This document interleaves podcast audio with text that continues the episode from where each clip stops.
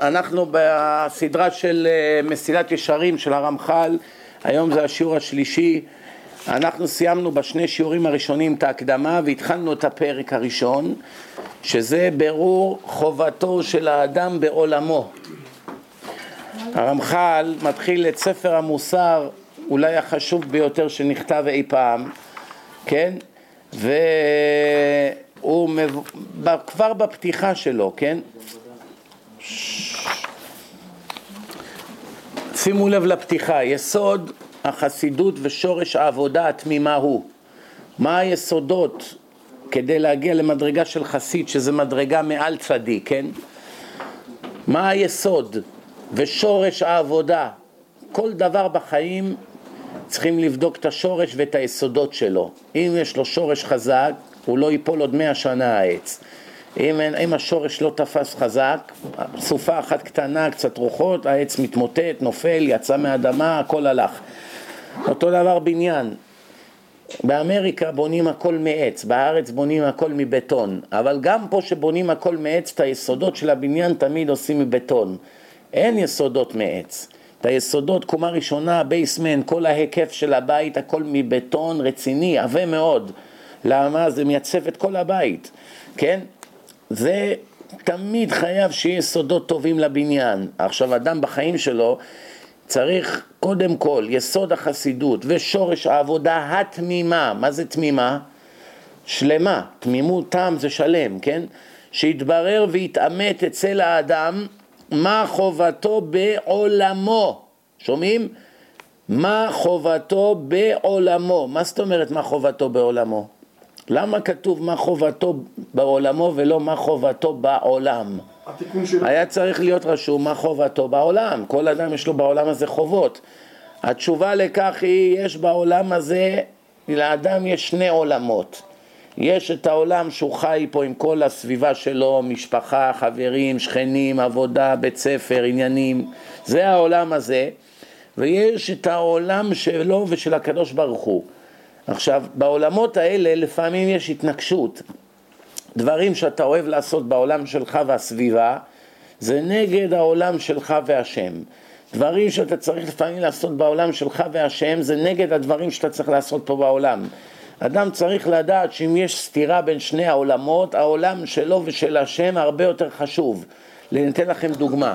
מזמינים אותך לחתונה או בר מצווה, שזה מעורב, כן? חתונה או בר מצווה שזה מעורב. גברים, נשים, רוקדים, נוגעים אחד בשני, מנבלים את הפה, חלק משתכרים, דברי ליצנות, אוכל לא כשר, לא מברכים, אין ברכת המזון, אין תודה להשם, אין כלום. כולם חצי ערומים. זה החתונה הממוצעת בעולם החילוני היום, כן?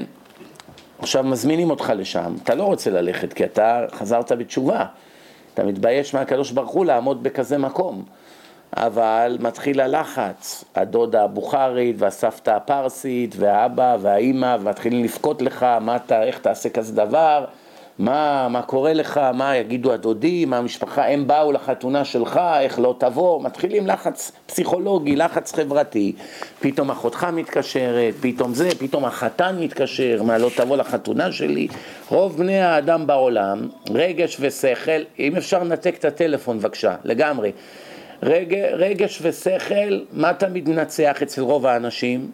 הרגש. לא חושבים בשכל, מתחיל קצת הלב קצת לכאוב, לא נעים, אנשים, בום, נכנעים, הולכים לחתונה. אחר כך רובם מצטערים, איך באתי לפה, זה נגד התורה, זה וזה. אחר כך היצר הרע, שעוזב אותך, אתה פתאום רואה, וואו, איך עשיתי כזה דבר.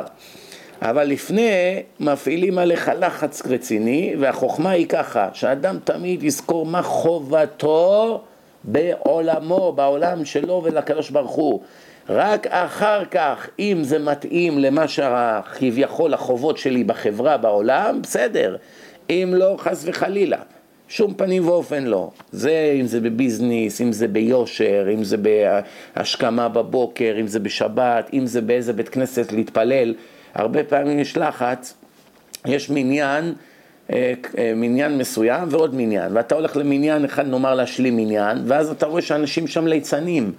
לא באים להתפלל, באים לדבר, לפטפט, יוצאים, נכנסים, כל מיני, חלק בכלל גם לא שומרים שבת, אין דברי תורה, אין צניעות, נשים באות לא צנוע, אין מחיצה כשרה. קיצור, איך אומרים? מכל הכיוונים. עכשיו הם צריכים אותך כי אין להם מניין. לעומת זאת יש מניין קצת יותר רחוק מהבית, יש אולי חמישים איש, לא צריכים אותך איתך, בלעדיך מלא. אבל מניין כשר, יש רב, משגיח על המקום, יש שם יד קשה, מחיצה זה מחיצה, צניעות זה צניעות, תפילה זה תפילה, כן, כל מה שצריך, דבר תורה, כל מה שצריך. אז אומרים לך, מה, אם, לא, אם תלך לא יהיה לנו מניין, איך תעשה לנו כזה דבר? לא נוכל לקרוא בתורה וזה. עכשיו, בינך בעולם שלך, אז כמובן אתה כביכול עושה להם טובה. אבל מה השם אמר? אסור בכלל להתפלל במניין כזה גם אם היה להם מאה איש, זה לא משנה. וגם אם יש להם רק שני אנשים, ואם אתה באמת משלים מניין, ובלעדיך לא יהיה מניין, אסור בכלל להיות שם. לא רק זה, הפוך. אם אתה בא למקום כזה, ואתה רואה שעומדים עכשיו נאמר להגיד קדיש וזה, אתה צריך לברוח החוצה שלא יהיה להם עניין. למה? הם נגד ההלכה. יש הלכה. עכשיו, כשההלכה נכתבה, זה כל מה שקיבלנו בהר סיני. כשכתבו את שולחן ערוך, ידעו שיהיה מצב שאתה תהיה עשירי למניין. נאמר, אם יש מניין שיש שם רק שבעה שומרי שבת, ושניים לא שומרי שבת, ועכשיו אתה שומר שבת ונכנסת ואתה עשירי ועומדים להגיד קדיש. עכשיו עומדים להגיד קדיש, יש רק שמונה שומרי שבת, אסור להגיד קדיש, כי השני מחללי שבת לא משלימים מניין.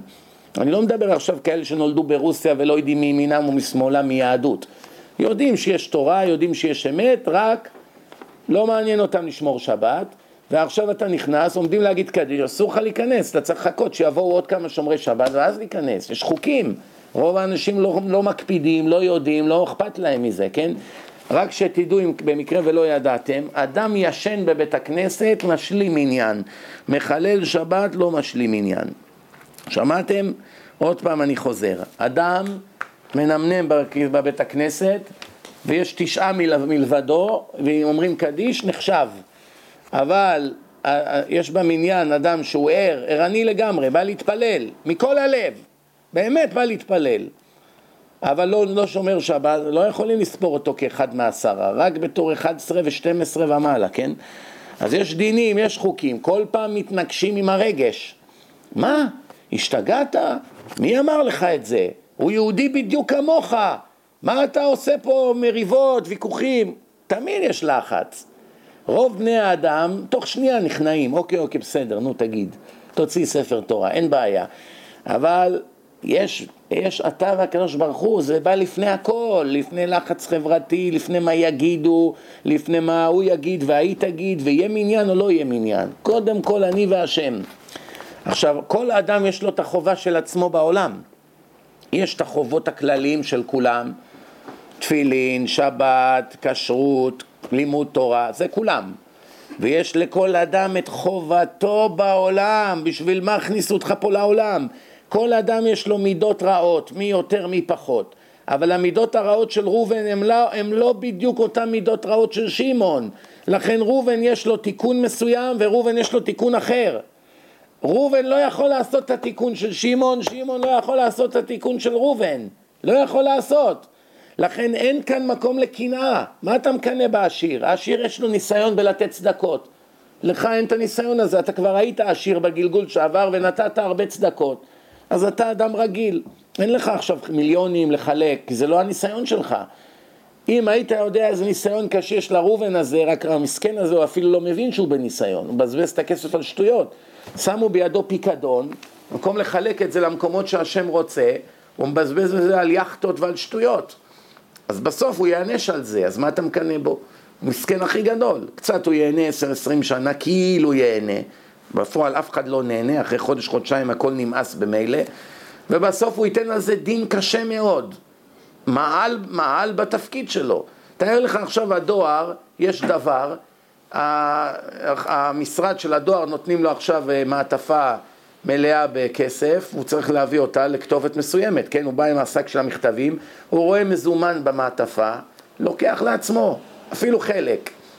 ועכשיו נאמר שיש להם איזה מצלמה וקלטו אותו. מה יעשו לאחד כזה? יגישו נגדו תביעה, יכול ללכת למאסר. מה, מה, מה אתם רוצים ממני? מה, היה לי כסף ביד, אתם תגידו לי מה לעשות בכסף? טיפש. יש לך שליחות בעולם. מה חשבת? נתנו לך 100 מיליון דולר בשביל מה? לקנות עוד בניין ועוד בית ועוד מכונית ועוד טיול ועוד ועוד ועוד ועוד? מה עם כל התפקידים שנתנו לך בעולם? בשביל מה שמו אותך בעם ישראל ואתה גר שני בלוקים מהישיבה ושם מתים מרעב? ואין מספיק כסף לחשמל, ואין מספיק כסף לקנות ספרים, ובקיץ אין מזגן, וכולם מזיעים, וכולם, או בחורף כולם רועדים, ואתה נוסע במכונית של 150 אלף דולר? איפה הלב שלך? לכן אנשים לא מבינים, אז רוב האנשים מסכנים, בכלל אין להם אפילו קצה של הבנה למה הם חיים. אז מה אני כבר יכול להגיד לכאלה? לא נתפלל עליהם שיבינו, שיבינו למה הם נולדו בכלל. אבל אלה שמבינים, תשמעו את המילים פה, זה, כל זה זה דברי אלוקים חיים.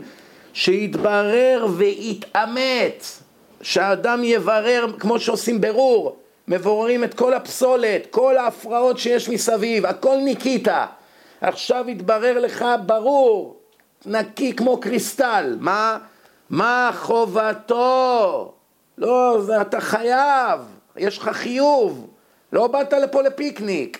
מה חובתו בעולמו ולמה צריך שישים מבטו, לאיזה דברים הוא צריך לשים לב ואיזה דברים לא חשובים.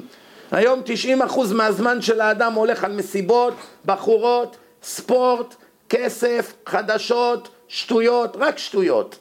במקום שיהיה לפחות 90% על אמת, 10% על שטויות, נו, גם זה יותר מדי, הכל הפוך. ויש כאלה אפילו אחוז לא משקיעים על האמת לא בשבוע, בכל החיים. אפילו אחוז מהזמן שלהם לא הלך על האמת. כל החיים שלהם לענג את הגוף, שזה סך הכל אוסף של מולקולות, זה הגרביט, זה הזבל שבאדם. הנשמה זה חלק אלוה ממעל, והגוף זה שק של זבל. כמה שווה גוף של אדם במעבדה קימית, אתם יודעים? תפרק את זה לחמצן, מימן, מינרלי, מלח, ברזל, כל מה שיש, כמה? שני דולר. עשרה שקלים אפילו לא. זה הערך במעבדה כימית של גוף האדם. מים עולה משהו? כלום. מלח עולה משהו? כלום. קצת ברזל עולה משהו? כלום. כל דבר בפני עצמו לא עולה כלום. שקל לא שווה. תחבר את כל האדם שני דולר. כולם מבינים שהאדם אין, קצף, אין קץ לשכרו. כמה שאדם יותר גדול, ככה גם הערך הרוחני שלו עולה בהתאם, כן? מה רואים מכאן? רואים מכאן שהאדם זה לא מה שחושבים, אז למה משקיעים בפסולת? יש לך יהלום בתוך קופסה פלסטיק, יהלום שווה עשרה מיליון דולר, הקופסה שווה דולר. איזה הוא ומי הוא זה הטיפש שישקיע את כל החיים שלו בלנקות את הקופסה ולהסתכל עליה בזמן שיש לו בפנים יהלום נדיר של עשרה מיליון דולר. הרי אם יש אדם כזה יגידו זה חייב אשפוז, תראו מה הוא עושה. כל הזמן מנקה את הקופסה, שם את היהלום על המדף וכל היום מלטף את הקופסה, איזה יופי, מה, איך ננקה אותה, נסדר אותה, נשים אותה ככה, נחליף, נחליף צבע, צובע, מחליף, מלטש, טיפש. מה אתה מתעסק בזה? הקופסה הזאת עוד, במילא עוד מעט הולכת לפח. כל כמה שנים מת, מתבלה והולכת לפח. זה היהלום. כמו המשל שנתתי פעם על הגוף, על התרנגול ועל התרנגולת. מה ההבדל בין תרנגול לתרנגולת? תרנגול שאתה לא מאכיל אותו, הולך ושותק עד שמת. תרנגולת שאתה לא מאכיל אותה, כמה שעות היא קצת רעבה, מתחילה, ישר מתחילה לעוף, לפרפר לך בבית, מפילה דברים מה, מהמדפים, מהשולחן, אתה, אתה לא יכול להשתלט עליה, למה היא רעבה? היא עושה רעש, מקרקרת. ככה גוף והנשמה. הגוף זה התרנגולת והנשמה זה התרנגול. הנשמה לא מאכילים אותה 70 שנה, הולכת שקטה עד שמתה לגמרי. האדם, המצב שלו מגיע למוות רוחני והוא אפילו לא מרגיש את זה. הסתלקה ממנו נשמתו. והגוף, שש, שבע שעות לא אכלת, קרקורי בטן, כאב ראש, עייפות, לא יכול לעשות כלום, לא יכול לעבוד, לא יכול לקרוא, הולך יושן. ראיתם יום כיפור. יום כיפור בצהריים כבר חצי בית כנסת מאולף. מה קרה? לא אכלת שבע, שמונה שעות? מה קרה? כבר הוא לא מתפקד, קשה לי, נו, מתי ייגמר כבר? דרך אגב, יש דבר מאוד מעניין, מיום כיפור אפשר לראות הוכחה שיש יצר הרע. תזכרו בי ביום כיפור הבא, מה? כל ה... בערך נאמר מ-12 בצהריים עד הלילה, אדם מה מרגיש? הרעב הורג אותו. וואו, מתי כבר ייגמר? יום, עוד שבע שעות, וואו, איך אני אחזיק מעמד עוד שבע שעות? כאב ראש, הקפה, סיגריות, ניקוטין, קפאין, כל אדם וההתמחרויות שלו, כן? פתאום מגיע מוצא יום כיפור, נגיד שמונה בערב, נגמר. מה עושים כולם? חיבוקים, לחיצות ידיים, עומדים בחוץ, מדברים, אף אחד כבר לא בלחץ. מה קרה? כל היום סבל את הרעב, פתאום עכשיו יש לו זמן, מחייכים, מדברים, טלפון, נותן טרמפ למישהו, לא רץ כמו משוגע הביתה לאכול. מה קרה? ברגע שעכשיו נהיה מותר, עזב אותך יצר הרע, כי כבר מותר, אין בזה עבירה.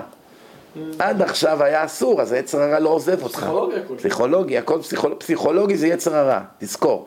כל דבר שאומרים זה פסיכולוגי זה יצר הרע, דיכאון זה יצר הרע, עצבות יצר הרע, הכל יצר הרע, עוללות, זה צוחק, בדיחות, ככה, צוחקים על האנשים, הכל יצר הרע. יצר הרע, מה חשבת? משתלט לך על החיים. בקיצור, מה חובתו בעולמו ולמה צריך שישים מבטו ומגמתו. מה המגמה? לאן הולכים? כמו באוניבר... בבית ספר תיכון, מגמת חשמל, מגמת ספרות, מגמת אוניב... אה, אה, אלקטרוניקה, מגמה. מה, מה הייעוד שלך? לאן אתה רוצה להגיע? להיות חשמלאי, להיות אלקטרוניקה, להיות אה, סופר? מה אתה רוצה בדיוק להיות? לפי מה שאתה רוצה להיות, לפי זה אתה בוחר את הדרך, כן? קודם כל אדם, תראו, אדם שאין לו כתובת יכול לבקש הכוונה איך להגיע ליעדו? עכשיו באים שואלים, אתה אומר לך, תראה, שמע, תעזור לי בבקשה, אני צריך להגיע לחתונה של אחי. טוב, מה הכתובת? לא יודע, לא יודע את הכתובת. תן לי אבל כיוון איך להגיע. טיפש, בלי כתובת אי אפשר לקבל כיוון. תגיד את הכתובת ונעזור לך איך להגיע לשם. ברגע שאדם לא יודע מה יעדו בחיים, לא יודע לאן הוא מגיע, איך הוא, יגיע, איך הוא יבקש כיוון, לאיזה, איך הוא ידע לאן ללכת. לכן העולם של הגויים והעולם של החילונים וגם של חלק גדול מהדתיים הוא מאוד מאוד מבולבל. כל יום והמצב רוח שלו. מה שבא מתמודדים איתו. מסיבה מתמודדים איתה. משחק כדורגל מתמודדים איתו. אוכל מתמודדים איתו. בחורה מתמודדים. מתמודדים הכוונה חיים את הרגע. מה שמכניסים לך בדרך אתה אוכל. כמו פאקמן. מה שפתאום קץ צץ על המסך בא לו בדרך. אבל יש אדם שהוא מחליט מה יבוא לו. יחליט לאן להיכנס. שומעים? האדם שיודע לאן הוא צריך להגיע, הוא מכוון את הכיוון שלו איך לנסוע. אדם שלא יודע, פונה ימינה, שמאלה, לפעמים הוא מגשש באפלה, הוא לא יודע, מנסה פה, מנסה פה. היום רוצה להיות כדורגלן, מחר דוגמן, מחרתיים ראש הממשלה, אחר כך סתם להיות איזה ביזנסמן. פתאום הוא מתייאש, רוצה לשכב במיטה שישה חודשים. נמאס לו מהמיטה, יורד לחוף הים. דמי אבטלה. אחר כך נהיה מיואש מהחיים, רוצה קצת סמים. מהשעמום, מתחיל סמים קלים בהתחלה, פתאום רוצה סמים יותר רציניים, כי כבר זה משעמם, פתאום הוא נהיה מכור, פתאום הוא מוצא את עצמו מגמילה, פתאום עכשיו הוא צריך לממן את הסמים, אז הוא נהיה שודד, פתאום הוא מתחיל לשדוד בנקים, אקדחים, פורץ לבתים, פתאום מישהו דוקר אותו, מוציא אקדח, הורג אותו, אחר כך הוא מבלה 30 שנה בבית סוהר, כל זה זה אוסף של תאוות. מה ההגה, הגה, של הנהג החילוני או של הגוי, מה ההגה שלהם, התאוות שלהם. כל אדם יש לו תאוות, רק מה ההבדל בין אדם ירא שמיים לאדם שאין לו יראת שמיים? אדם שירא שמיים יודע יש תאוות, חייבים לדלג מעליהם או לעקוף אותם, לא חייבים לעבור דרכם.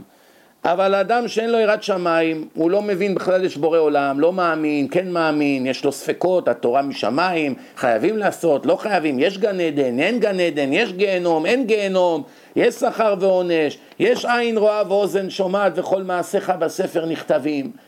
הוא לא, מבולבל. אז מה קורה? כל החיים שלו זה אוסף של תאוות. למה אתה בכדורגל? תאוות ספורט. שעתיים אחרי, למה אתה במסעדה? תאוות סטייקים. שלוש שעות אחרי זה, למה אתה עם הגויה בבר? תאוות אריות. בבוקר, למה אתה יושן ב-11 בבוקר, אתה עוד במיטה? תאוות העצלות. שומעים? למה גנבת מהבוס שלך? תאוות ממון. כל דבר בחיים שלו זה אוסף של... איי, שתהיו לי בריאים. כל דבר זה אוסף של תאוות. כל דבר זה אוסף של תאוות. ולכן התאוות מכוונות את האדם לחורבן. תראו, אני לא מזמן שלחתי אימייל להרבה אנשים שאצלי ברשימה, זה בכלל אימייל של גויים, סרטון של חמש דקות. עבודת מחקר יסודית שעשו הגויים על אנשים שיש להם הרבה כסף וחיים לפי התאוות של המטריאליזם, של החומריות. מוכיחים לך הגויים, גויים, לא קשור ליהדות, לא קשור לדת בכלל. שכל אלה שיש להם אפשרויות לממן את התאוות שלהם, הם האנשים הכי אומללים בעולם, מבחינת עושר ושמחה, הכי אומללים. שזה הורס לאנשים את החיים, גויים. מי שמכם לא מאמין, כנסו אצלי בדף של הפייסבוק שלי, שמתי את זה שם, אתם יכולים לראות את זה בעצמכם. לפני בערך שבועיים שמנו את זה. תראה את זה, כדאי מאוד לראות. ממש הוכחות ברורות, מראים לך דבר דבר איך החיים של האנשים נהרסים מתאוות החומריות. אומר הרמח"ל, למה צריך שישים מבטו ומגמתו בכל אשר הוא עמל כל ימי חייו. שני אנשים עמלים. אחד קם בבוקר בשבע כדי להזיז את האוטו, ללכת לעבוד עוד שעה בעבודה, שיהיה לו עוד עשרה שקלים בכיס. החבר שלו, שומר המצוות, ירא שמיים, גם קם בשבע, והולך לבית הכנסת לשעה. שניהם עמלים? כן. שניהם קמו מוקדם? כן. שניהם עכשיו קר להם בבוקר, יורדים מהבית, שלג, קור, לא יודע מה, כן. שניהם נכנסו למכונית, המכונית קפואה, כן. זה נוסע לעבוד עכשיו, עובד בחנות, עומד, נשבר לו הגב, זה עומד בבית הכנסת, מתפלל. זה מדבר עם הלקוחות, זה מדבר עם השם. לכאורה אותו דבר. שניהם משקיעים את אותו מאמץ פחות או יותר. אחד מרוויח חיי נצח, אחד מרוויח עשרה שקלים, ומפסיד חיי נצח בתמורה. שומעים? לכן, שישים מבטו ומגמתו בכל הוא אשר, בכל אשר הוא עמל. שים לב שאתה לא משקיע את המרץ ואת האנרגיה, שלך על שטויות. ואל תגיד, אבא שלי ככה עבד כל החיים, אז גם אני חייב לרשת את הביזנס. לא נכון. בגלל שאבא שלך השאיר לך ביזנס, אתה לא חייב להיות עבד. אז מה אם הוא השאיר לך מסעדה? אתה יכול להיות בעל מסעדה ולהיות יהודי ירא שמיים באותו זמן? ברוב המקרים לא. כי זה עבדות. מהרגע שאתה פותח עשר בבוקר עד שתי אחד בלילה, אתה נהיה עבד של הביזנס. אין לך מנוחה, הזמנות, פועלים, המנהל בא, לא בא, ביקורת, משרד הבריאות, מס הכנסה, הקליינט מתלונן, הלכו מכות, מלצרית ככה, זה עשה ככה, זה גנב לך, ראית במצלמה, אין לך מנוחה לרגע, זה רק מסעדה אחת. אין לך מנוחה, אתה נהיה עבד, אפילו תרוויח עשרים אלף בשבוע. אין לך מנוחת הנפש. זה עבדות שאין דוגמתה העבודה הזאת. כל הזמן יש איזה מישהו שתמיד יגיד משהו לא טוב וקם לך מתחרים ועכשיו אתה צריך והעלו את המחירים אתה צריך להחליף חברה וזה מקולקל ומכרת וזה קליינט עכשיו מה שלחת לי אני לא הזמנתי את זה אין לך, אין סוף לסבל שאתה עובר אז מה? אז אבא שלך או אשתך תמכור את זה מהר מה אתה מחפש עבודות של עבדות? יש מספיק גויים בעולם שינהלו מסעדות של מה אתה נהיית עבד? כן, זה רק דוגמה אחת מיני הרבה מה אתה צריך? שהתורה תהיה עיקר חייך וכל שאר הדברים זה יהיה הטפל לא שאתה כל החיים שלך תהיה עבד ועכשיו אם יישאר לי זמן אני אלמד תורה אז מה אתה אומר? כן, כן, אבל אם אני אשקיע כל הזמן שלי בתורה לא יהיה לי זמן לעבוד אז איך אני איך אני אוכל? אז לפני שתשאל את השאלה הזאת תחשוב האם ראית פעם מבריאת העולם ועד היום יהודי שלמד תורה ועשה את רצון השם והיה חסר לו אוכל ומת מרעב? זה לא קרה מעולם. בשואה גם העשירים מתו, זה היה קללה ועונש על כל... זה היה עונש על כל עם ישראל. קללה ועונש על כל עם ישראל, תודה. לא, רגע, רגע, בלי הערות. שומעים, התורה, בזמן השואה כולם נכחדו, צדיקים, רשעים, רבנים, חילונים, כולם, זה היה גזירה על עם ישראל. וכבר היו כאלה גזרות בהיסטוריה, זה לא פעם ראשונה, חורבן בית מקדש ראשון, חורבן שני, פוגרומים, זה, כל מיני דברים, כן? שיש גזירה לא עלינו, כולם נענשים, כל ישראל ערבים זה לזה. כשהצבא מפסיד, גם הטייסים שהצטיינו מפסידים. לא רק הטייסים שנכשלו, לא רק הטייסים המסור... יש טייס מסור, יש טייס רשלן. זה שותה אלכוהול, לא יושן בלילה, מבלה את כל הלילה עם החברה שלו, ואז הוא בא להטיס מטוס קרב באיזה מבצע בלבנון. והשני מאוד יסודי, הלך לישון בשבע בערב, לא נוגע באלכוהול, קם, ערני, אוכל בריא, כי הוא יודע שזה חיים ומוות, כל הציבור תלוי בו. זה רשלן, זה צדיק, זה רשע. כן, זו, זו הדוגמה פה. הרשע מת עם הצדיק, כל הצבא מת, כולם, כובשים אותך, כולם מתים, כולם נכנעים לאויב. לכן זה המציאות, שעם ישראל חס וחלילה נגזרה עליו גזרה, כולם הולכים לעזאזל. אבל שיש כל אדם ואדם, צריכים לדעת את זה. כל אדם והמציאות שלו, ומה שאתה מבשל בסוף אתה צריך לאכול. ולכן אני תמיד אומר, שאתה כבר משקיע אנרגיה, תשקיע בדברים הנכונים. אף אדם מעולם לא הפסיד בלעשות את רצון השם. זה הכלל שצריך להזיז אותך בחיים. כל פעולה שתעשה, תמיד יבוא היצר ויגיד לך, רגע משה, אבל אתה מפסיד. תראה, החבר שלך הולך לעבוד, עושה 50 שקל בשעה. אתה תלך, תשב שנה בישיבה, הוא יהיה לו 100 אלף שקל חיסכון בסוף השנה, לך לא יהיה דולר בסוף השנה. במציאות, מי צודק? היצר הרע. הוא מביא לך עכשיו את המחשבה הזאת בראש. כדרך הטבע הוא צודק, אבל עם ישראל מעל הטבע. אתה עכשיו אומר, אין שום, לא מעניין אותי. עכשיו השם אמר לי, והגית בם יומם ולילה, רצון השם שאני אהיה קשור אליו, יפה. אפשר להיות קשור לקדוש ברוך הוא בלי ללמוד תורה רוב היום? בלתי אפשרי, במיוחד בדור הזה, בלתי אפשרי. אפשר להיות ירא שמיים, עובד את השם בחוף הים עם בקיני, בלתי אפשרי. אפשר לראות אירועי השם בלי לאכול אוכל כשר למהדרין, בלתי אפשרי. אפשר להיות עובד השם שאתה עובד במקום שיש לך פיתויים ואתה גונב ומתעסק עם הבחורות שם, בלתי אפשרי. אפשר להיות עבד השם שאני בתוך מקום של תורה, אפשרי. שם אני חייב להיות, זהו. נגמר הסיפור.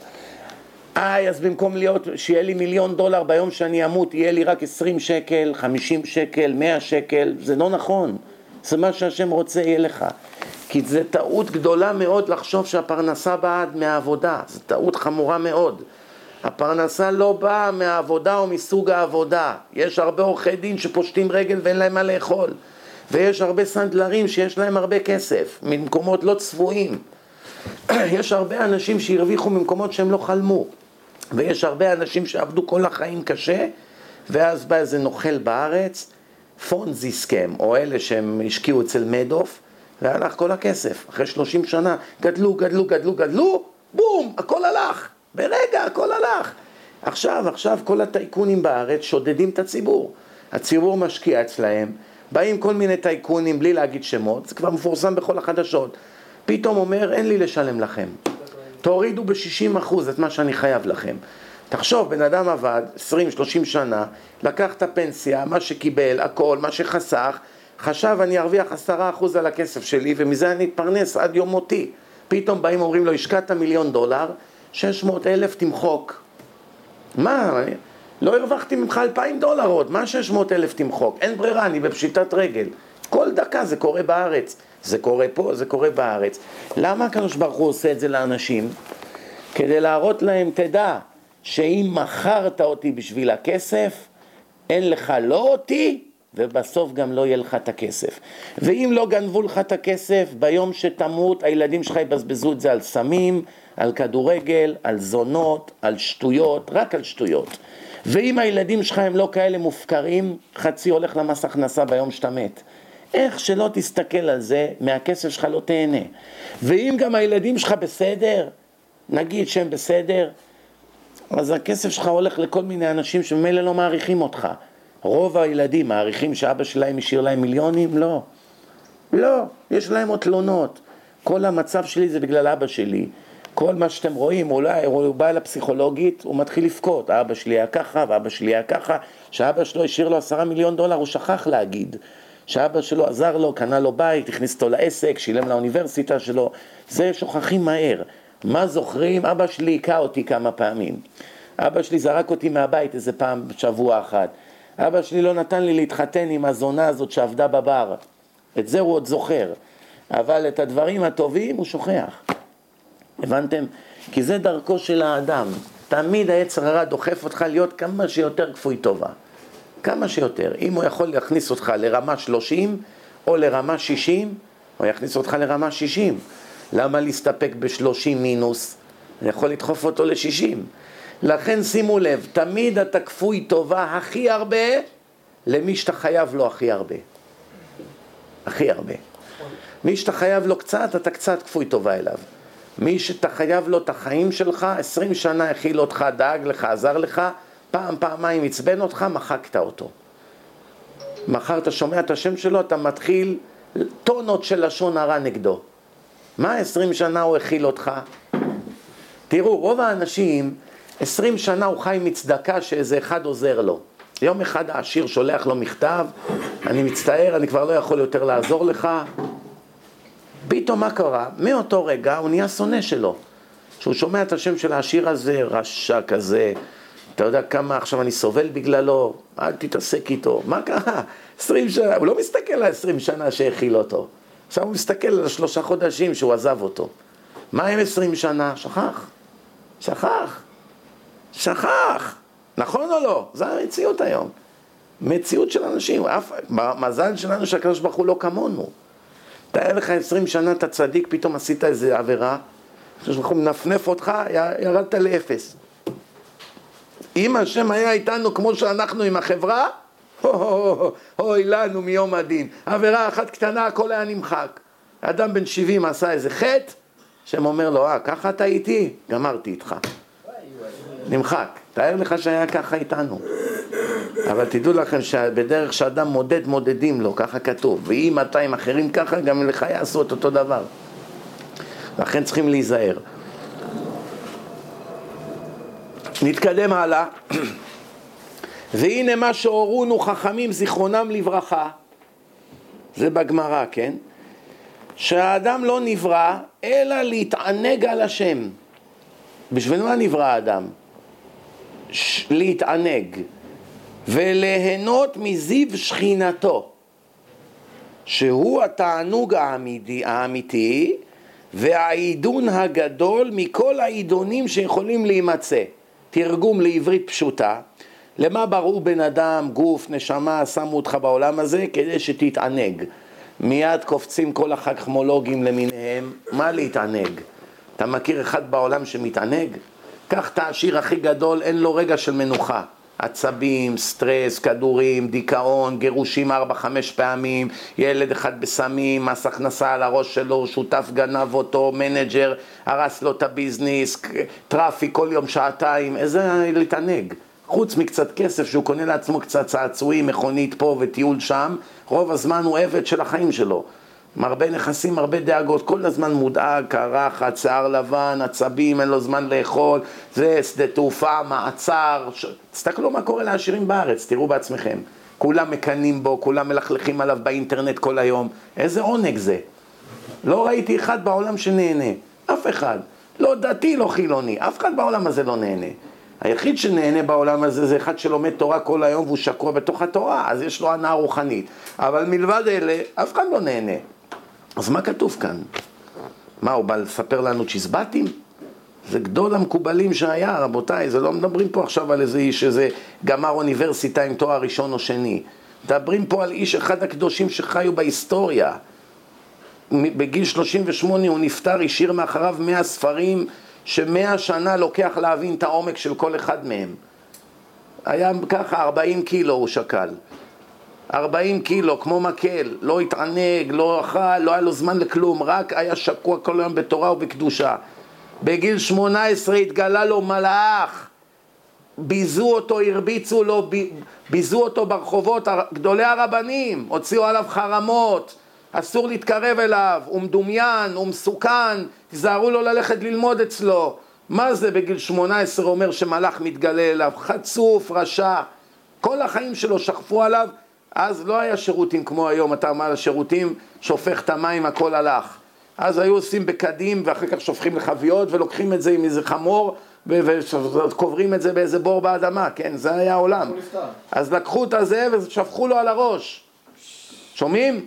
שפכו לו צואה ושתן על הראש, רק כדי שיפסיק. קראו לו לפגישה עם כל הרבנים שיחתום שהוא מתחייב לא ללמד קבלה, שלא יקרא ולא יאסוף תלמידים וילמד אותם. אף אחד לא האמין שיכול להיות בגיל 18 בן אדם שהגיע לכאלה דרגות. לא יכול להיות, זה לא היה מעולם כזה דבר. מלבד הוא והארי הקדוש, לא היו עוד כאלה אנשים. אז אף אחד לא האמין. קשה גם להאשים אותם. קשה, כי זה באמת, לא היה לזה תקדים. רק כשהוא נפטר מן העולם, התחיל העולם להבין את גדלותו. רוב הספרים בכלל נעלמו מהעולם, הקדוש ברוך הוא העלים אותם, כי זה ברמות שאנשים לא יכולים לעכל בכלל. שומעים מי זה היה? רבי משה חיים לוצטו? אם הוא היה חי בדורנו היום, כל מי שרואה אותו על המקום היה מתעלף. כי הוא היה מבין עלינו כמה אנחנו רחוקים משנות אור מהאמת. שהיה רואה את האדם הזה, כן? הוא אומר לך, חביבי, אחרי שהוא ידע את כל התורה בעל פה, כל הש"ס, כל התלמוד, כל ההלכות, כל שולחן ערוך, כל הקבלה, כל המדרשים, הכל בעל פה. ודאי, אין שום ספק פה, רואים לפי השליטה שלו. והוא אומר לך, יא חביבי, שמע טוב מה אני אומר לך, אני נותן לך עכשיו את סם החיים. תיקח, תרכוש אותו, זכית. לא, אתה האדם הכי אומלל בהיסטוריה, זהו זה. אחד מהשניים, אין באמצע. תחליט מה אתה רוצה להיות. אז הוא אומר לך שהאדם נברא להתענג, אבל בעולם הזה אף אחד לא מתענג. ממשיך הרמח"ל וכותב, ומקום העידון הזה באמת הוא העולם הבא, לא העולם הזה. בטח, עכשיו מבינים למה אף אחד פה לא נהנה. כי מקום העונג הוא לא פה, הוא רק שהנשמה הזאת שיש בתוכך תצא מהגוף. רק כשהיא תתפטר מהזוהמה, מהקופסה, מהזבל, שמוציאים את היהלום מהקופסה של הדולר, קופסה פלסטיק, אז עכשיו אפשר להציג את היהלום בתוך קופסה של דולר, מה הוא שווה? רואים קופסה, מה רואים? שהנשמה נפרדת מהגוף והגוף הולך לתולעים, כן? אז עכשיו הנשמה תתחיל לקבל את הפרס שמגיע לה. אז אם ככה, אם התכלית הייתה לברוא את האדם להתענג, למה לפני שהוא מתענג הוא חייב לבוא לפה 70-80 שנה כמה פעמים בכל מיני גלגולים עד שיגיע לעולם הבא? מה אז מה? יש כאן, יש כאן איך אומרים? יש כאן איליה וקוץ בה. יש כאן איליה וקוץ בה. כי, כי בעצם מה שקורה פה, אם אתה אומר לי שהתכלית שלי הוא להגיע לנקודה ב', בשביל מה אני צריך את נקודה א'? שים אותי בנקודה ב' ונגמר הסיפור. לכן, מה מבינים כאן? מה מבינים כאן? מה שמבינים כאן זה דבר פשוט מאוד, שהעולם הזה הוא חלק מכל התוכנית של בורא עולם. שאם הקדוש ברוך הוא שם אותי את הנשמה בתוך הגוף, יוצא מזה עכשיו מה? שהתכלית שלי להגיע לשם דרך כאן.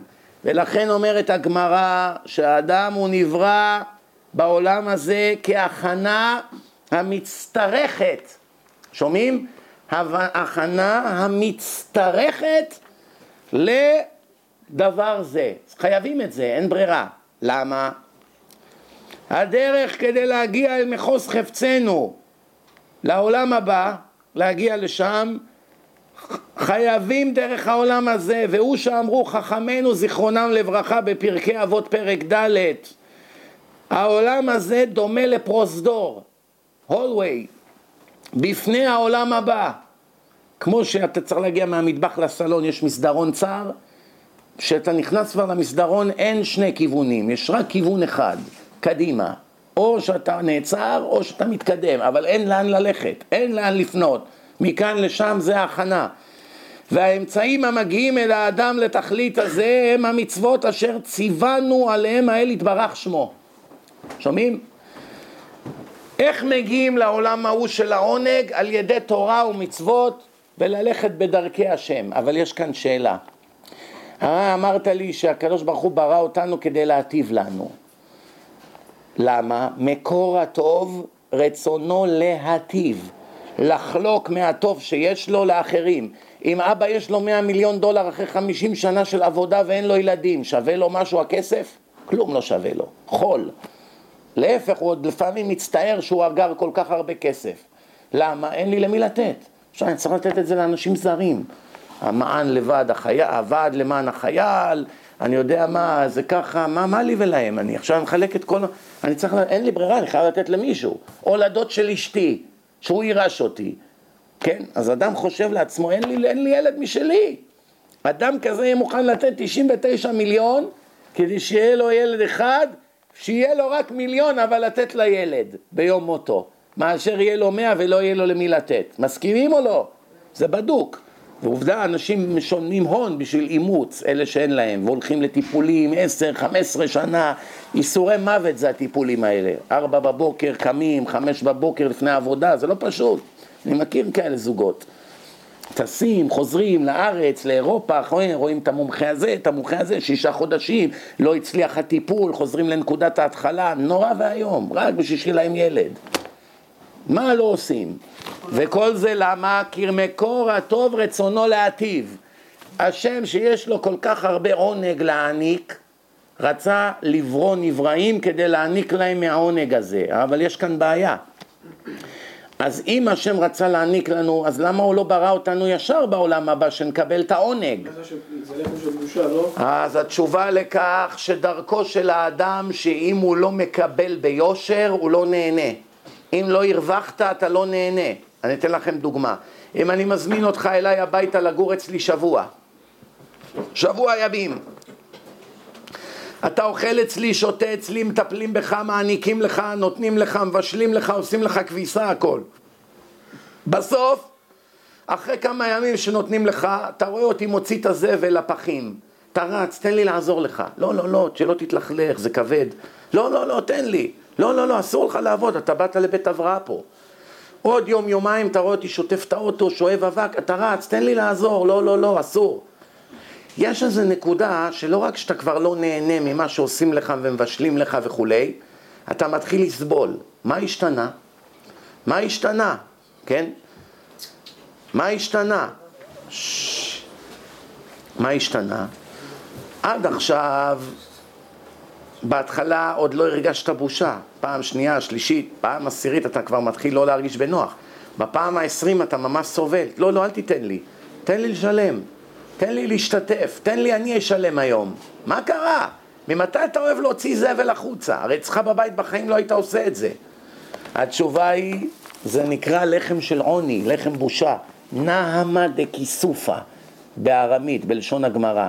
לחם של בושה. אז עכשיו אני שואל שאלה אחרת. אז למה הקדוש ברוך הוא ברא אותנו עם כזה טבע? היה בורא אותנו סוציומטים לנצח. אגואיסטים. תן לי, תן לי, תן לי, איך אומרים? בלאד סאקר, עלוקה. כמה שתיתן יותר, אני יותר נהנה. מה אכפת לי? מה יש בושה? מה? תן לי עוד, תן לי עוד. ואני, אדרבה, אני נהנה, כמה שאתה נותן יותר, אני נהנה יותר. בלי רגשות בושה, בלי רגשות אשמה, בלי לחם עוני, בלי כל זה. מה, יש לקדוש ברוך הוא, זה בעיה? לא? אז למה באמת הוא לא ברא אותנו ככה? התשובה לכך היא כי השם באמת לא ברא אותנו. אז מי ברא אותנו? אנחנו בראנו את עצמנו. לא, גם לא באנו מהקופים, לא לדאוג. אז מי ברא אותנו? אנחנו חלק מהקדוש ברוך הוא בעצמו. אנחנו הדבר היחיד שבעצם לא נברא, הכל נברא. אבל הנשמה, נשמה שנתת בי טהורה, אתה וראתה, אתה יצרת, אתה נפחדה, מה זה כל הדבר הזה שאומרים? מה הכוונה פה? הגמרא אומרת, מאן דנפח מדלה כנפח. זה שנפח את הנשמה, נפח את זה מעצמו. זה לא כמו שעכשיו לוקחים עץ, עושים שולחן. או שלוקחים אין כלום ועושים הוקוס פוקוס ונהיה עץ עכשיו. נשמה, זה, אתה נפחת אותה בקרבי. זאת אומרת, כל התכונות שלך יש בי. שומעים? כל התכונות שיש לך, יש בי. מה אתה רחום? יש בי רחמים. מה אתה, יש בך מידת הבושה, יש את זה בי. אתה זה, כל מה שיש בך יש בי. הכל. רק מה? איתי עשית החלאה של אלוקים ושל בהמה. דבר נדיר, תראו איזה קיצוניות. אלוקים ובהמה הזדווגו, ונהיה עכשיו בן אדם. מה זה בהמה? זה הגוף. כל הזמן תאוות, תאווה כזאת, תאווה, יושן, רובץ, אוכל, זולל, בחורות, זכר ונקבה, כל היום מחפש להתענג. זה בדיוק מה שקורה פה. והמלחמה של החיים זה המלחמה בין הגוף לנשמה, וזה הכל. מי שינצח ירוויח נצח. אם הגוף ינצח, אתה הולך לדיראון עולם, הנשמה מסכנה, ואם הנשמה תנצח, זכית. שומעים מה מדובר כאן? לכן אי אפשר היה לברוא אותך אחרת, כי אתה חלק מהשם. לכן גם הנשמה אין לה דמות, אין לה גוף, אין לה, אין לה מידה, אין לה צבע, אתה יכול לפצל אותה, נשמות מתפצלות לפי תורת הקבלה, הרבה פעמים נשמה, חלק ממנה רק יורד, אפשר לפצל נשמה לאלפים, אדם הראשון היה נשמה אחד, אחר כך יש בתוכו 600 אלף חתיכות, ומתוך ה-600 אלף היום יש 7 מיליארד, זה התפצל לאין סוף כל נשמה, כל, לפעמים יש 100 אנשים שבעצם זה נשמה אחת שהתפצלה, שומעים? וכמה שאתה מפצל אותה זה כמו אש, כמה שתיקח מהאש נשאר אותה להבה, זה לא גורע כלום ממנה. הבנתם מה אני אומר כאן? כל דבר, אתה לוקח עכשיו משהו, חותך אותו, הנה סופגניה. חותך אותה באמצע, עד עכשיו זה היה רבע קילו, נהיה עכשיו שמינית קילו כל חצי. חתכת עוד פעם, זה 1 חלקי 16. חתכת עוד פעם, 1 חלקי 32. למה? כי זה חומר. חומר יש לו מידות. תחתוך, תחתוך, זה הולך ונהיה יותר קטן, אבל ברוחניות אין מידות. אצל השם אין מידה, אין דמות, אין לו גוף, דמות הגוף, אין לו זמן, לא תלוי, נשמה היא נצחית. היא לעולם לא יכולה למות. אי אפשר להעלים אותה. זה חלק מהשם, זה חלק, מהקדוש, זה חלק אינטגרלי מהקדוש ברוך הוא. אי אפשר, חס וחלילה, אתה הורג את הנשמה, זה כמו שאתה רוצה להגיד שאפשר להרוג את השם, זה בלתי אפשרי. לכן הקדוש ברוך הוא עשה, אבל תדעו לכם, תדעו לכם, לפני שנסיים, תדעו לכם דבר אחד, באמת, באמת, אפשר להתפלסף, ואפשר להגיד דברים יפים, ואני יכול לגרום לכם, ככה איך אומרים, להתענג על השיעור, אבל את האמת חייבים תמיד להגיד. בסופו של דבר, בשורה התחתונה, ששואלים, אבל בסדר, אנחנו חלק מהשם, הכל מובן, אי אפשר היה להתענג בעולם הזה, אז הקדוש ברוך הוא נתן לנו שכר ועונש, בחירה חופשית, הרי נאמר, ראה אנוכי נותן לפניכם את החיים ואת הטוב, את המוות ואת הרע, ובחרת בחיים, סימן שאפשר לבחור ברע, כי מנסה השם אתכם, כל החיים זה ניסיון, זה פסוקים מפורשים, אי אפשר להתווכח עם ספר אלוקי. אבל דבר אחד עדיין נשאל, בסדר, הכל זה הבנתי, אבל מה השם היה צריך את כל זה? זו השאלה הסופית. בסדר, רצה להטיב, הכל טוב ויפה, אבל שורה תחתונה, מה השם היה צריך את כל זה? מה השם היה צריך את כל זה? כי הרי, כי הרי מה תגיד, שהוא רצה להטיב מהטוב שלו לאחרים, בגלל זה הוא ברא אותנו? אז בסדר, אבל הוא גם, השם גם יכול היה להיות בדיוק אותו דבר גם בלי לברוא אותנו, כי הרי הוא מושלם, הוא לא צריך אותנו. חס וחלילה, יש פסוק באיוב, אם צדקת, מה תיתן לו, ואם הרשעת, מה עשית לו. זאת אומרת, כל מה שאתה עושה לא משפיע על השלמות של השם. שום דבר. אין, איתך, בלעדיך, השם היה מושלם, הוא יהיה גם אחריך מושלם, מה שלא תעשה, אתה לא יכול להזיז את הקדוש ברוך הוא לטוב או לרע, אין. הבנת? אז לכן אתה לא, אז מה, מה, השם תלוי בך? מה, הוא צריך ממך משהו? לא. אז למה הוא היה צריך את העולם הזה? תשובה, לעולם לא נדע. כי לא מחשבותיי מחשבותיכם ולא דרכיי דרככם. שומעים? אתה לא יכול להבין אותי. אתה, אני בראתי אותך, אני הכל יכול. לא תלוי בזמן, יודע עתידות, חוקר כליות ולב. אני יכול לתת לכם אלף משפטים עכשיו שנאמרו על השם שלנו, אין את התכונות האלה. לעולם לא נדע, לפחות לא בעולם הזה. ותדעו לכם עוד דבר שהרמח"ל יגיד בהמשך בשיעורים הבאים, כדאי עכשיו להזכיר את זה. צריכים לדעת את זה. כל מה שאדם יכול להשיג בשכלו, על ידי עמל, על ידי לימוד של שנים, או שלפעמים בקלות, לא משנה, בכל דרך שהיא. אז סימן שזה לטובתו בתכלית שלו בעולם הזה. במשימה שיש לך בעולם הזה, העולם הזמני הזה, עולם החומר, כל מה שאתה יכול להבין, הסודות של התורה שאתה יכול לתפוס בשכל, סימן שהשם רצה שתבין. נו, זה לטובתך. כל מה שהשם העלים מאיתנו, כל מה שהשם הסתיר מאיתנו, כל מה שאפילו אם נלמד בעולם הזה 70 שנה רצוף לא נבין, סימן שאם היינו מבינים, זה לא רק שלא היה מועיל לנו, זה היה לרעתנו. למשל, הגמרא במסכת חגיגה אומרת, אל תשאל מה היה לפני, מה יהיה אחר כך, מה למעלה ממך, מה מלמטה. זה דברים שהם בנסתרות. הנסתרות להשם אלוקינו והנגלות לנו. מה שהשם גילה לנו, אנחנו יודעים. מה שנסתר, לעולם לא נדע. אפילו לראות את השם רגע אנחנו לא יכולים. כי לא יראני האדם וחי. אתה, אם תראה אותי אתה כבר לא יכול לחיות. למה? אתה לא יכול לחיות, כי הרמה, הבדלי רמה שבקדושה בינך לביני, אם תראה אותי לרגע אחד אתה מיד מת. אפילו משה רבנו, שהיה הקדוש מכולם, שדיבר כל הזמן עם הקדוש ברוך הוא בזמן שהוא היה בהקיץ, לא בחלום, כמו שאר הנביאים, השם אמר לו, לא תוכל לראות את פניי, את אחוריי תראה. אז יש כאלה פלגמטים שחושבים שהכוונה, השם יש לו עיניים, אף, שיניים, אז הוא אמר לו, את הפנים שלי לא תראה, אבל אני אראה לך את העורף שלי. טיפש מי שחושב ככה. כי הרי כבר נאמר שלקדוש ברוך הוא אין דמות, אין לו גוף, אין לו דמות הגוף, אין לו מידה, אין לו צבע, אין לו כלום. אז מה זה? הסוד של הפסוק הזה זה שאתה לא יכול להבין את הדברים לפני שהם קרו. אבל אחרי שהדברים קרו, לפעמים אתה תוכל להבין. לפני שזה קורה אתה לעולם לא יכול להבין למה עומד לקרות כך וכך. אבל אחרי שזה קרה, יכול להיות יבוא יום ותבין. עכשיו הבנתי למה זה קרה. למשל, אדם עכשיו רצה, איש צדיק רצה להתחתן עם בחורה, ומישהו בא וקלקל לו את השידוך בד... ברגע האחרון, כבר עמדו להרים לחיים. בחורה צדיקה, צנועה, הכל, משפחה טובה, אבא שלה אמר שהוא ישלם לו עשר שנים ללמוד בראש שקט, בלי לדאוג לפרנסה. אדם עכשיו מאוד ממורמר, אומר, וואו, מי יודע איזה חטא עשיתי שנתנו לי כזה עונש.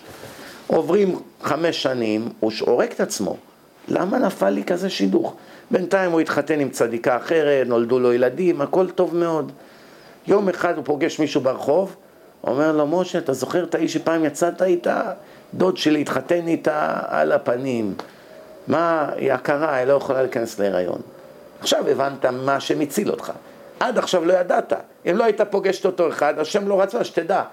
הפגיש אותך עם ההוא, גילה לך זה, שתבין. כי היום הוא רצה שתבין מה שלא רצה שתבין לפני. למה לא מבינים לפני? כי זה מבטל את הבחירה. כל דבר תדע מראש, אתה יודע עתידות, אז אין לך בחירה, אז מה, מה אתה... שמו אותך פה בניסיון, אתה במבחן. אם אתה יודע את התשובות מראש, אז בשביל מה יש מבחן? בשביל מה הזמינו אותך לבית ספר להיבחן? אתה כבר יודע, אתה, זה, אתה לא צריך לבוא בכלל, כבר ניתן לך מאה בדואר. אתה, אנחנו רוצים לראות אם אתה יודע באמת להיות רופא, אם אתה יודע לנתח מוח, אז עכשיו עושים לך בחינה, נכון? אז אתה אומר, אה, אני כבר יודע מראש את הכל, גילו לי את כל השאלות, אז מה יועיל? לא יועיל כלום, בשביל מה עושים בחינה פה? כשהשם שם אותך פה בניסיון, זה חייב להיות ניסיון. לדעת את העתיד, זה מבטל את הניסיון. כי אדם יודע, יש לי עוד 50 שנה, מה אני דואג? אני לא צריך להיות צדיק. בעוד 40 שנה אני אחזור בתשובה, אהיה צדיק, בשביל מה להתאמץ? אדם יודע שהוא לא יהיה חולה בחייו, אז למה לא להתאמץ? להתפלל על רפואה. בשביל מה? אדם יודע שהוא לא יתחתן כל החיים שלו, הוא מתאבד. לא רוצה לחיות. הוא בן 17, נודע לו עכשיו בנבואה שימות רווק וכל החיים יסבול. מה עושה? תופס את האקדח של אבא שלו, יורה לעצמו בראש. למה? עצם המחשבה שעכשיו עוד 50 שנה אני אהיה לבד ואני לא, אני לא חילוני, אני לא יכול ללכת ל, לעשות עבירות עם בחורות. זאת אומרת, עכשיו מחכים לי 50 שנה של סבל, עדיף לי למות, הורג את עצמו. לא עומד בניסיון. או שנהיה חילוני, לא עלינו. כדי שאתם יודעים, הוא רוצה להיכנע לתאוות שלו. הוא לא יכול ללכת לפרוצה עם כיפה וזקן, הוא מתבייש. אז בהתחלה מקצר, אחר כך מוריד לגמרי, אחר כך מוריד לאט לאט את הכיפה, שם כובע בייסבול, אחרי שנה הוא כבר עם הגיל באוזן, עוד שנה עברה, יש לו כבר ארבע קעקועים, ועוד שנה, שלוש שנים, עכשיו יש לו איזה חברה גויה, וככה זה עובד. ולמה כל זה? כי הוא ידע את העתיד. הבנתם? אז אכן אנחנו לא יודעים לעולם את העתיד. וכל אלה הרבנים שמשחקים אותה יודעים את העתיד, שתי סתירות צריך לתת להם. ולמרות להם את הזקן. כי אף אחד לא יודע את העתיד, וכל מי שעובד עליכם בעיניים ואומר תגיד לי יהיה לך ככה ויהיה לך ככה ואתה תכיר כזאת, אם כבר הוא אומר לך משהו זה הכל מכוחות הטומאה, אם יצא משהו נכון. אסור ללכת אליהם, כתוב תמים תהיה עם השם אלוקיך. גם זה אסור ללכת. אסור לעשות את הדברים האלה, אסור ספרים. רבנים שהם קדושים ואומרים דברים, זה לא... אין, אין, אין כזה דבר. אף אחד לא יודע את העתיד. אף אחד. ואני אומר לכם שאני הכרתי אנשים שענקים בתורה, ענקים, ובאמת קדושים, ובאמת צדיקים, ולא ידעו שום דבר מהעתיד. כלום. שום דבר. שאלתי אותם, חקרתי אותם, לא ידעו כלום. ענווה.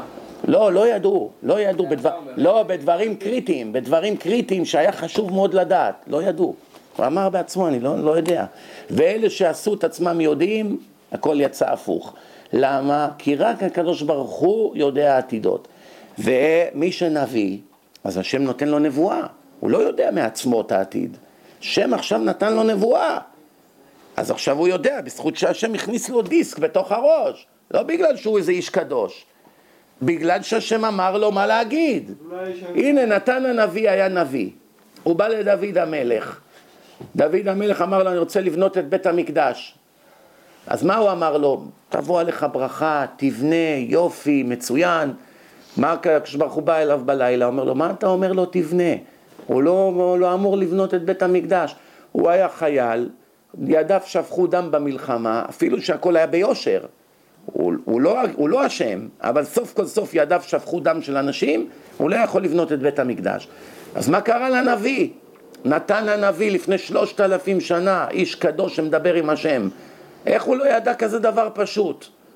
תשובה, אף על פי שהיה רב גדול והיה איש קדוש, ואפילו לפעמים השם אמר לו נבואות, בזמן שהוא לא היה מתנבא, הוא לא ידע אפילו מי ראוי לבנות את בית המקדש.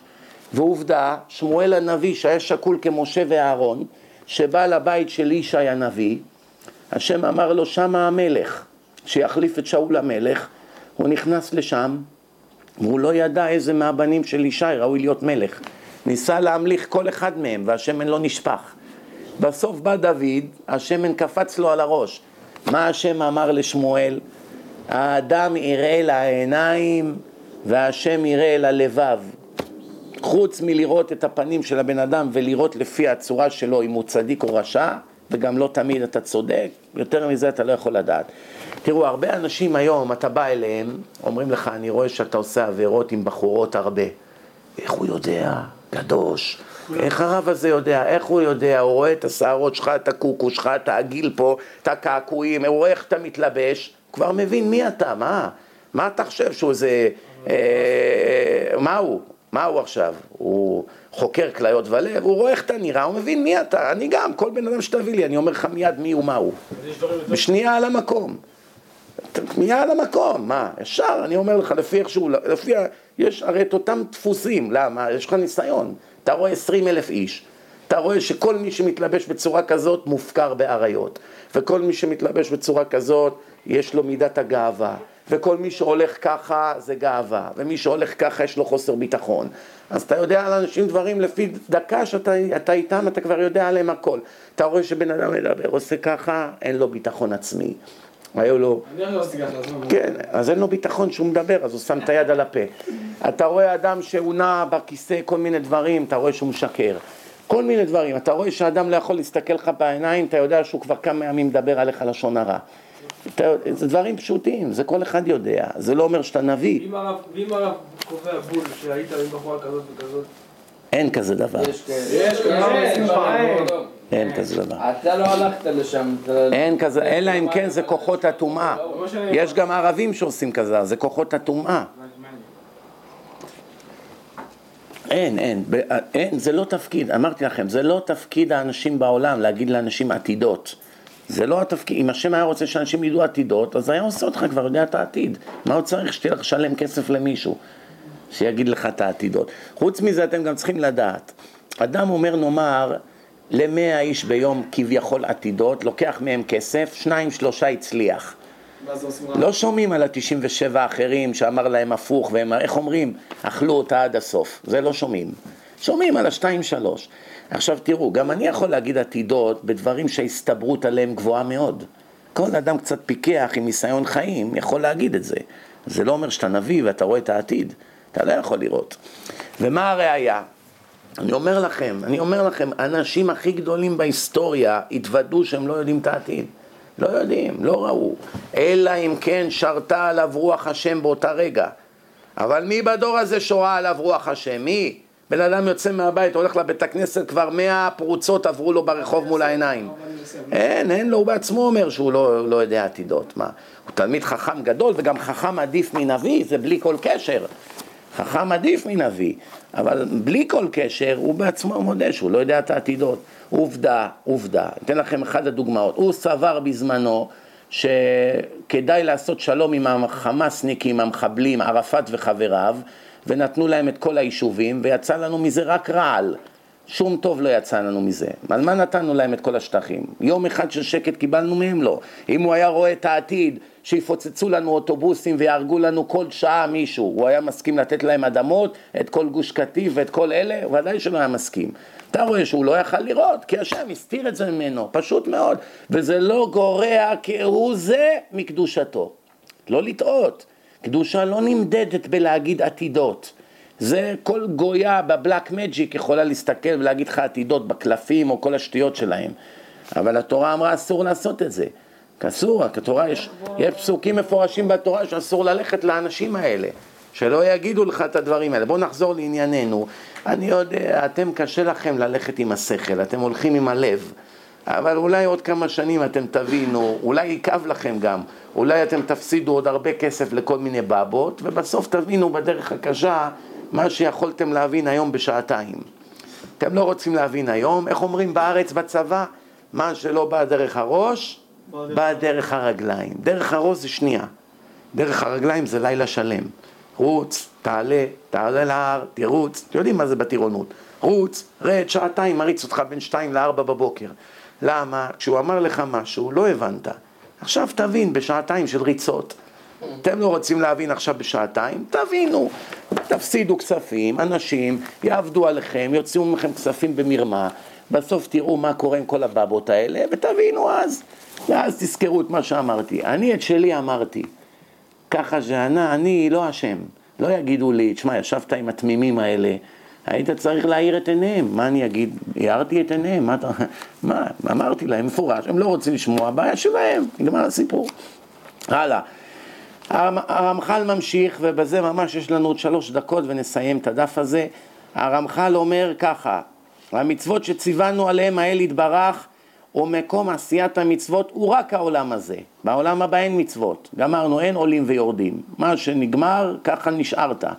על כן הוא שם האדם בעולם הזה בתחילה, כדי שעל ידי האמצעים האלה המזדמנים לו כאן, יוכל להגיע אל המקום אשר הוכן לו. כל אדם מכינים לו מקום. יש לך כבר כרטיס, אבל להגיע למקום צריך להזיע, חביבי. העולם זה לא פיקניק. שהוא העולם הבא, שזה העולם של התכלית. לרבות שם בטוב, לרבות זה לסבוע, כן? לרבות שם בטוב אשר קנה לו, קנה, קניין, על ידי אמצעים אלה. והוא שאמרו חכמינו ז"ל, היום לעשותם ומחר לקבל שכרם. היום אתה עושה, יגיע זמנך לפרוע, אל תדאג, אתה לא עובד בחינם.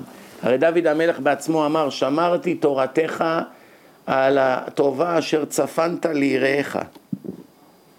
מה הפירוש?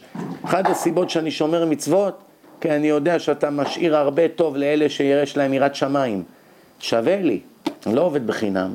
אם דוד המלך אמר, אני מחכה לפרוע את מה שמגיע לי, קל וחומר יתושים פרושים כמונו, כן? שלא מתקרבים ללכלוך של הציפורן שלו. אבל אם אחד מגדולי ההיסטוריה אמר את זה, סימן שזה לא פשע, מגיע לי. מה יש? עבדתי קשה בשביל זה. להפך, כל הרשעים שסומכים שהשם יסלח להם ביום הדין, הם לא רק בורים ועמי ארצות, יש להם מגמה לה, להרוס את כל התורה. מה שייך? כי הרי התורה היא תורת אמת. השם אלוקיכם אמת. אני אל האמת והצדק. נכון? אם הרשע יהיה לו אותו סוף כמו הצדיק, אז כל התורה שקר. כי התורה אמרה לצדיקים אני נותן טוב, לרשעים אני משלם עונש. אז אם הרשע פתאום יש לו את אותו סוף כמו הצדיק, טוב, טוב, אתה אבא שלך היה רב, יאללה, בוא נעביר לך את כל העבירות שעשית. יאללה, בוא. גם אתה תלך לגן עדן, יחד עם דוד המלך ושמואל הנביא. אז מה יגידו כל הצדיקים? מה, השם, עבדת עלינו? מה, רימית אותנו? הכל, הכל היה בלוף? איך כתבת בתורה תורת אמת? איך כתבת השם אלוקיכם אמת? איך כתבת אני אל האמת והצדק? איך כתבת משלם לכל אדם כמפעלו? הכל שקרים, זה לא יכול להיות. גם אם השם רוצה, נאמר, לא יצויר שהוא כביכול שינה את דעתו ורצה עכשיו לקחת את הרשע הזה ולהעביר לו. הוא לא יכול. כי ברגע שהוא יעשה את זה, כל התורה מתבטלת. ותורתנו היא תורת נצח, לנצח, עד סוף הדורות. זה לא יכול להיות, תזכרו, לא לבנות על הדבר הזה, זה לעולם לא יכול להיות. לעולם לא יכולים. אז השם נתן דרכים איך מוחקים את העבירות. תשובה, מעשים טובים, צדקה, כן? וידויים, יום כיפור, ייסורים. אז העבירות נמחלות, תפילות. אבל ככה למות בתוך הפרארי שלך עם סיגר בשבת והמשקפי שמש והשומן בשערות וכריסטין יושבת לידך? אתה רוצה להגיע לאותו מקום של רבי שמעון בר יוחאי? על זה יענישו אותך, על החוצפה שבעתיים. שנאמר, איפה זה כתוב? הנני נשפט אותך על אומרך לא חטאתי. על זה שאתם, יש לכם חוצפה להגיד, מה, מה עשיתי כבר? על זה תקבל עונש יותר גדול מהעבירה עצמה. שומעים?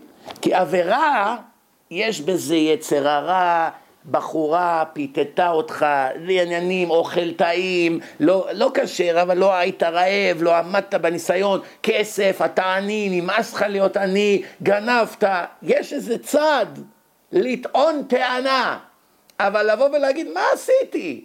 איזה טענה יהיה לך להגנתך? כלום. מובן? על העבירה תוכל, תוכל לעמוד ביום הדין להגיד לו לקדוש ברוך הוא, אני כל כך מתבייש, כל כך מצטער, הגויה הזאת פיתתה אותי, לא עמדתי בניסיון, הרי אתה יודע שאחרי שעשיתי את העבירה מאוד הצטערתי והתביישתי ועשיתי וביקשתי. כל אדם שעושה... הוא רוצה לעשות את זה, תסביר לו שזה... כל עבירה שאדם עושה ומתבייש בה, בושה אמיתית וחרטה, זה עוזר לו לתשובה. אבל מי שחושב אני אעשה על דעת שאני אתבייש אחר כך, כפול עונש הוא יקבל. איפה זה כתוב?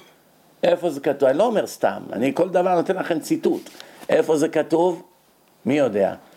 האומר, אחטא ואשוב, אחטא ואשוב, אני עכשיו יחטא ואחר כך יעשה תשובה, אין מספיקים בידו. לא יעלה בידך חביבי, ולא תעבוד עליי. אני יודע הרי מה עובר לך בראש בזמן שאתה עושה את העבירה. עושה עבירה על דעת לעשות תשובה? לא תזכה לעשות על זה תשובה. עושה עבירה בגלל שנכנעת לתאווה שלך ואחר כך הצטערת, ספונטני, אמיתי, ייתנו לך צ'אנס לחזור בתשובה. ומשפט אחרון להיום, שומעים? אומר ככה, וכשתסתכל עוד בדבר תראה כי השלמות האמיתית הוא רק הדבקות בו יתברך. זה המדרגה של השלמות. והוא שהיה דוד המלך אומר ואני קרבת אלוקים לי טוב. כל מה שאני רוצה להיות קרוב אליך, לא אכפת לי מכלום, זהו. לא עושר, עוני, נשוי, רווק, ילדים, אין ילדים, יש לי כבוד, מלכלכים עליי, קוראים לי ממזר, לא מעניין אותי כלום. אבל הוא היה מלך. העיקר, אני רוצה להיות קרוב אליך, ואני קרבת אלוקים לי טוב. והוא אומר, אחת שאלתי מאת השם אותה אבקש. יש לי רק בקשה אחת. אנחנו יש לנו מאה אלף בקשות, בית, אוטו, אישה, ילדים, בריאות, זה ככה, כבוד, ראש ממשלה, לחברה, לפתוח עוד חנות, שביתר ינצחו, לא ירדו ליגה, יזכו באליפות, כל אחד והטמטום שלו, כן? אחד שאלתי מאת השם, אותה אבקש. שבתי בבית השם כל ימי חיי. מה, הנה, הוא אמר את המלך, למרות שהוא דיבר בלי רשות, ועל זה מתלוננים שיש הפרעות. אבל הוא בא מאוחר, אז הוא לא שמע. אנשים מתקשרים להגיד לי, למה מפריעים בשיעור? דרך אגב, זה חילול השם גם. למה? אם זה שיעור שלומדים בישיבה, אז זה הכל שאלות ותשובות. אבל אם זה דרשה, כמו אצל האמריקאים, רק בסוף מרימים את היד, ויש שאלות, שואלים בסוף. אבל אתה לא נותן לי לשאול. הנה, הנה, מדבר בלי רגע. הרגע דיברנו, לא עוברת שנייה, מתפרץ. שומעים? זה קשה לשנות הרגלים. אני מוכן, אני אף פעם לא בורח. תשאלו אחרי השיעור כמה שאלות שאתם רוצים. מה, אני ברחתי פה פעם? הלאה. הוא רוצה להתפרסם. להתפרסם אתה צריך ללכת להרצאות של הרב אמנון יצחק, למה יש להם שני מצלמות. אז כשאתה מקבל את המיקרופון, יצלמו אותך. פה אתה במילא לא יודעים מי אתה, אז מה, יעזור לך? אז אפשר כבר... כן, הלאה. בקיצור, נסיים. אמרתי משפט אחרון. זה שאמר דוד המלך, אחת שאלתי מאת השם, אותה אבקש. שבתי בבית השם כל ימי חיי. מלך של העולם, מה הוא רוצה? להיות בחור ישיבה. ואתם מבזבזים את החיים שלכם פה בקווינס בוליברד, מהבוקר עד הערב, עוד שנה ועוד שנה, וכאן ועוד שנה ועוד שנה. והעץ הרע אומר לכם, לא נורא, הנה הביאו לכם מקרן, יש הרצאות, יש ככה, אתם בא, אתם מתפללים לפעמים, ברור, מה, כי אני אגיד לך למה. כי אם עכשיו סידרו לך עבודה של מיליון דולר ביום, ועכשיו אתה מרוויח 200 דולר ביום, אתה גם מרוויח משהו, לא? אז מה אתה אומר? אתה אומר, תראו איזה טוב לי פה, אני מרוויח 200, אני מתקדם כל יום, אני שם 100 בצד כל יום. לך טיפש, על כל, על, כל, על כל שנה שאתה פה, אתה עושה שם את זה ביום, בישיבה. אז פתאום אדם אומר, דרך אגב, זה אנשים אומרים לי אחרי חודש שהם מגיעים לישיבה, אומרים לי, עכשיו אני מבין את כל הפעמים שאמרת שהעולם זה עולם אחר. כשאתה יושב חודש בישיבה, חודש, אתה מיד רואה החיים אחרת לגמרי. כל הפרוספקטיבה שלך על החיים השתנתה. כי רק הוא זהו הטוב, שומעים? שבתי בבית השם כל ימי חיי. זולת זה שיחשבו בני האדם לטוב. יש הרבה דברים שבני האדם חושבים שזה טוב. קובה, שניצל, סופגניות, השפן קיבל נזלת, חסמבה, צ'יפופו, קופיקו. יש הרבה דברים שאנשים חושבים, זה עוד לפני שנולדתם, כן? וכל זה אינו אלא הבל, שומעים? הבל הבלים. ושב נטעה, הכל בלוף, אבק ברוח. שומעים? אמנם כשיזכה האדם לטובה הזאת, שהאדם יזכה לקניין התורה, ילמד קצת לעומק של התורה, יראה את היופי, את האור שבה, אור שבה מחזירהו למוטב, האור, הקדושה של התורה. ראוי שיעמול ראשונה וישתדל ביגיעו לקנותה, שומעים? זה הרבה עמל, מה אתה חושב, זה צחוק? תישן עד 11 ותהיה תלמיד חכם? תאכל שניצלים וסטייקים וסופגניות ותהיה תלמיד חכם? תלך כל שבוע לקווינס לבקר את החברה לשעבר שלך ואת בת דודה שלך ואת הדוד שלך מהונולולו? כן, זה, זה, ככה תהיה תלמיד חכם? שכח מזה. יש משחקים, כדורגל, חבר שלך מביא באינטרנט, גמר, אליפות, טניס, שטויות, אני יודע מה, ללכת לדוג, זה לא בשביל אחד שרוצה להיות בן תורה, זה בשביל אחד שרוצה להיות דתילוני. חצי יום דתי, חצי יום חילוני, בסדר, הולך, כדורגל, לדוג, ששבש, קלפים, שניצל, קובה, סופגניות, השפן קיבל נזלת, הכל בסדר. כן, הופעה של הזמר ההוא והזמרת ההיא, כן, ויצא סרט חדש, כשר, כשר הרבה, יש רק ארבע נשיקות שם. אין אבל ממש, אתה יודע. כן, ככה אנשים מדברים היום. היינו שישתדל להידבק בו יתברך בכוח מעשים שתולדתם זה העניין והם המצוות. זה מספיק להיום. שומעים? אנחנו בעזרת השם, אני אעשה לי נקודה כדי שאני אזכור, כדי שאני אזכור איפה הפסקנו, אני חייב לעשות לעצמי כל פעם נקודה. בסדר, עכשיו אתם יכולים לשאול שאלות. כבוד הרב, יש לי שאלה. כן, אם בבקשה. אני נשאר פה ב- בניו יורק, לא צריך, תשאל. אם אני נשאר בניו יורק בגלל השיעורי תורה של רבי, זה לא איי, איך הוא הביא לך אותה? אז אם כבר אתה כל כך צדיק, אז תבוא לישיבה. אני אגיד לך מה, אתה אומר, תראה, אני נשארתי כי יש לי פה באר קטנה ואני שותה ממנה מים. אני אומר לך, בוא, אני אביא אותך לאגם. נותן כל האגם יהיה שלך, מה אתה צריך? אני זה באר קטנה, אני אקח אותך לאגם. כל היום תהיה מוקף שם במים.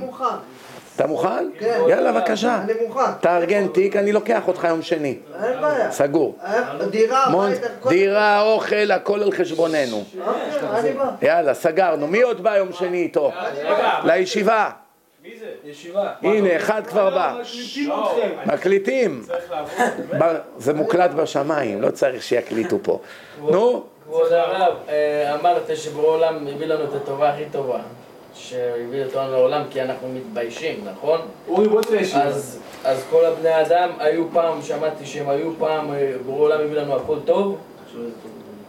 מישהו בלבל אותך. אתה רואה למה אתה צריך לבוא לישיבה? לא, אמרו אמרו שלפני שהיינו בעולם הזה, היינו שמה. היינו שמה, וברור להם הכל, וביקשנו ממנו לעשות, לקבל את את השכר בזכות ולא נכון, בחינם. זה משל שמספרים שהנשמות באו לקדוש ברוך הוא ואמרו... זה אנחנו- משל או שזה אורגינל? משל, משל, שהנשמות באו לפני הקדוש ברוך הוא ואמרו לו, ריבונו של עולם, לא רוצים לקבל לחם עוני, רוצים להרוויח ביושר, הבנת? זה רק משל. כי איך היה נשמות? הרי הנשמה של אדם הראשון, הכל התפצל מנשמה של אדם הראשון.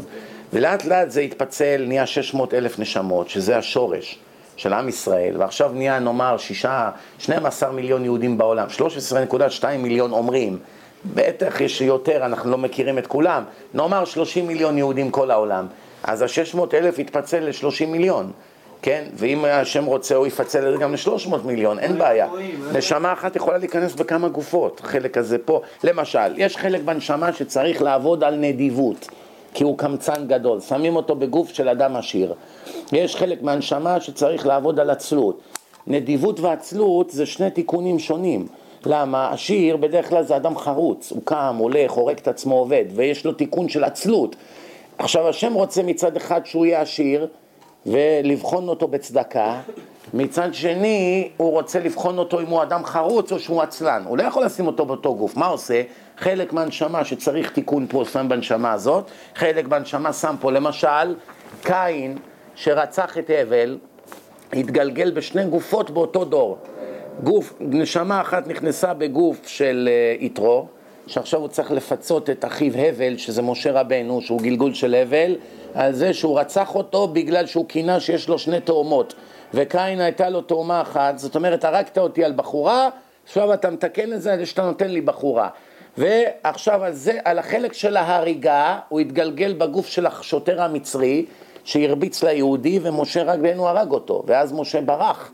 אז ככה התחיל כל הסיפור של מורשה ברח ממצרים, שהוא הרג את המצרי שהיה מכה את היהודי. זה גם כן יתרו, זה גם כן קין. חצי מקין הלך ליתרו, חצי הלך למצרי. החלק של קין שהיה צריך למות מידה כנגד מידה, מת בגוף של המצרי.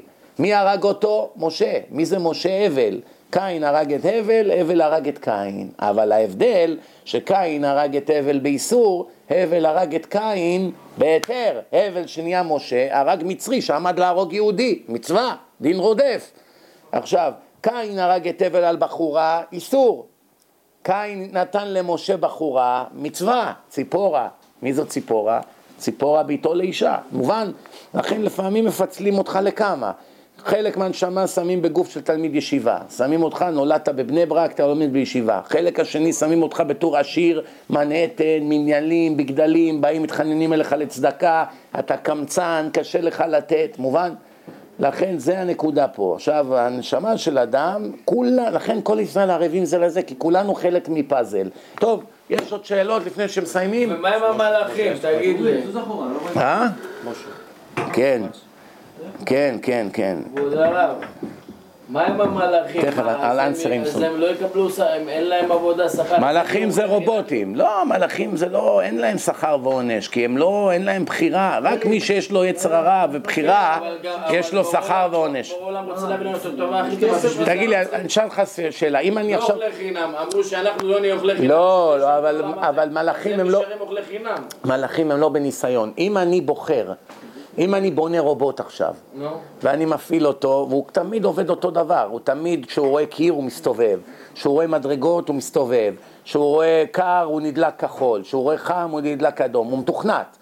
עכשיו הרובוט הזה יכול בסוף, שהוא עומד למות, נגיד אחרי 20 שנה שכבר עומד להתפרק, אומר לי למה, מה אתה לא נותן לי שכר על כל מה שעשיתי בשבילך? טיפש, מה עשית בשבילי? אני, אני, אני, לא, שאני מרגיש. לא, מה מה, פתאום? זה סתם בעולם הזה? מלאך. כשאתה חושב מלאך, תזכור רובוט. אין לו בחירה, לא עולה, לא יורד, אין לו בחירה. הוא לא מרגיש חיים. לא, שונה לגמרי מבני אדם. לא? מלאכים, חי, בטח מלאך, כל אחד יש לו תפקיד. מלאך, כל אחד יש לו תפקיד. בני אדם? לא כולם. בני אדם, אה, תראו, כתוב שהמלאכים ראו את אדם הראשון, חשבו שהוא הקדוש ברוך הוא. סימן שהם לא ידעו מי זה השם, כי הם לא יכולים לראות את השם. אם היו רואים את השם, אמרתי לכם, השם אין לו דמות, אבל מבחינה רוחנית, אם הם היו רואים את השם, אז הם לא היו חושבים שהאדם זה השם. כשהם ראו את זיו פניו של אדם ואת ה... איך הוא מבהיק ובו- ובוהק וכולי, חשבו שזה הקדוש ברוך הוא. נבהלו, התבלבלו.